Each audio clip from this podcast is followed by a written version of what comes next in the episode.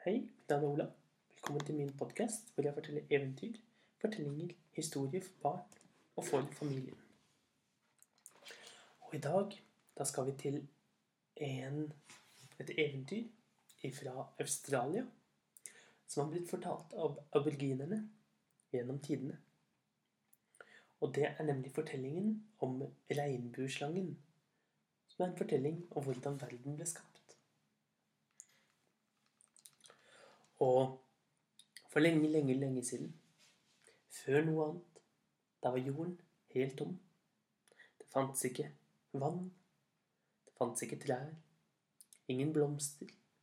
Ingen bier. Ingen fugler. Ingen slanger. Ingen edderkopper. Alt var helt tomt. Sandete og steinete. Men det bodde en stor, mektig slange. Det var regnbueslangen. Han het Gorialla. Og Gorialla han bestemte seg en dag for å reise ned og se på jorden. Han reiste ned på jorden og fant fant ingenting. Han krøp over hele Australia. På kryss og på tvers. Og lette etter mennesker, dyr, planter eller til og med bare vann. Så det hva som helst. Men han fant ingenting. Alt var bare tørr, tørr sand og ingenting annet. Han ble lei av å lete, og til slutt så la han seg ned for å sove. Og når han våknet, da så han at der hvor han hadde krøpet, der hadde det blitt dype kløfter. Han hadde lagd store kløfter som gikk gjennom hele, hele landet. På kryss og på tvers, hit og dit. Da fikk han en idé. Han ropte på alle froskene. Og froskene steg opp fra bakken. Så sa regnbueslangen Goriala at de, de skulle åpne munnene sine. Froskene hadde så store munner, og de var fylt med vann. Og når froskene åpnet munnene sine, så begynte vannet å renne. Og vannet rant og rant og rant. Snart så fylte det alle kløftene, og kløftene ble til store elver. Og elvene ledet gjennom hele landet. Og der var elvene rant, der kom det også vann til jorden i nærheten. Og snart så vokste det både gress og planter. Det vokste trær, det vokste busker, blomster langs elvebreddene. Og de spredde seg, det ble stadig flere, og det ble grønnere. Siden så gikk Goriala ned og vekket alle dyrene. For han syntes det var så kjedelig. Han vekket noen dyr som skulle bo på land. Noen dyr skulle bo nede i vannet.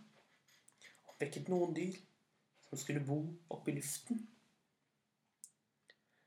For eksempel så vekket han en fugl som etteraper alle lyder den hører. Den kalte han kokabura. Så vekket han en svær øgle. Og øglen krøp sakte framover og så nesten ut som en drage. Den ble kalt guana. Og og Goriala han vekket også små, kortbente dyr som gikk veldig sakte. Han vekket en wombat, et lite pungdyr som gikk rundt veldig sakte. Så vekket han noen raske dyr. Han vekket kenguruen, som hoppet glad og fornøyd hit og dit over hele landet. Og han vekket koalaen som skulle sitte i trærne. Og i vannet så vekket han skilpadder, fisker, haier. Og snart så var det land, og både på land og til vanns og i luften så yrte det av liv Der var det enten fugler, fisker eller dyr som var overalt. Og det var grønt og fint og mye vakkert vann. Og Goriala syntes at det var mye hyggeligere å være nede på jorden nå. Da bestemte han seg for å lage regler. For han kunne ikke styre et kongerike uten å ha regler. Så han bestemte at de dyrene som ikke hørte på han, de som ikke fulgte reglene, de måtte bli straffet. De måtte bli gjort om til stein. Og flere dyr hørte ikke på hva han sa. De fulgte ikke reglene han lagde. Og dermed så gjorde Goriala dem om til stein. Og steinene la han i en stor haug. Til slutt så ble det til fjell. Men de dyrene som var veldig flinke til å høre på reglene, de fikk en premie. De fikk lov til å bli mennesker og skulle bli klokere enn alle de andre og bestemme for alle de andre dyrene. Og snart så var verden hans både full av dyr og mennesker. Land, blomster, vann og trær. En dag så begynte det å regne. Det regnet og regnet hele dagen, hele natten, hele dagen etter. Regnet fortsatte i dagevis. Dager ble til uker. Uker ble til måneder. Og regnet stoppet ikke å renne. Snart så begynte vannet å stige i alle elvene. Og vannet steg så høyt at det gikk over bredden, og vannet fløt utover hele landet. Landet, hele landet ble oversvømt.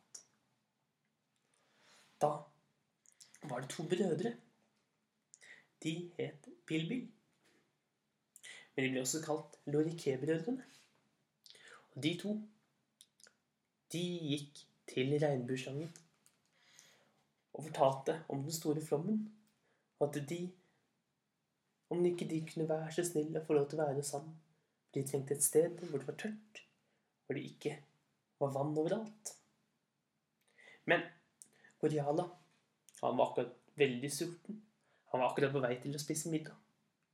Til å finne seg en god godbit å kunne spise. Og som han slangen som han var, så så han på de to brødrene. På Loriké-brødrene. De to kunne han spise til middag. Så han sa til dem, 'Jeg skal hjelpe dere med å finne et tørt sted hvor regn ikke kan treffe dere.' 'Kryp inn i munnen min.' Og Loriké-brødrene gjorde så. Og da tok regnbueslangen Goriala og spiste dem begge to. Men Goriala begynte å tenke. De to Loriké-brødrene de hadde sikkert mange venner og en stor familie. Og de kom alle sammen snart til å lete etter hvor det var blitt av dem. Og snart kom de til å finne sporene deres og følge dem. Og da ble de ledet fram til hulen hvor Goriala sov. Og så ville de alle angripe han mens han sov. Nei, Goriala måtte finne en plan, et sted hvor han kunne gjemme seg. Da kom han på en, et lur idé. For mennesker kan ikke fly. Derfor tok han og gjemte seg i himmelen. Men Men uh, Goriala så hvor lei seg menneskene var. De sørget og sørget over lorikebrødrene. De gråt og gråt. Og når de gråt, så begynte til og med skyene å slippe tårene sine, og regnet falt. Men Goriala han ville ikke at alle menneskene skulle bli så lei seg. Så han bestemte seg for å muntre dem opp. Han krummet ryggen, skjøt rygg og svaiet seg til en stor bu. Og han ble for menneskene et regnbue. Så hvis du noen gang har lurt på hvorfor det alltid kommer regnbue etter regn, så er det svaret fordi Goriala prøver å muntre opp menneskene. Og det var fortellingen om regnbueslangen.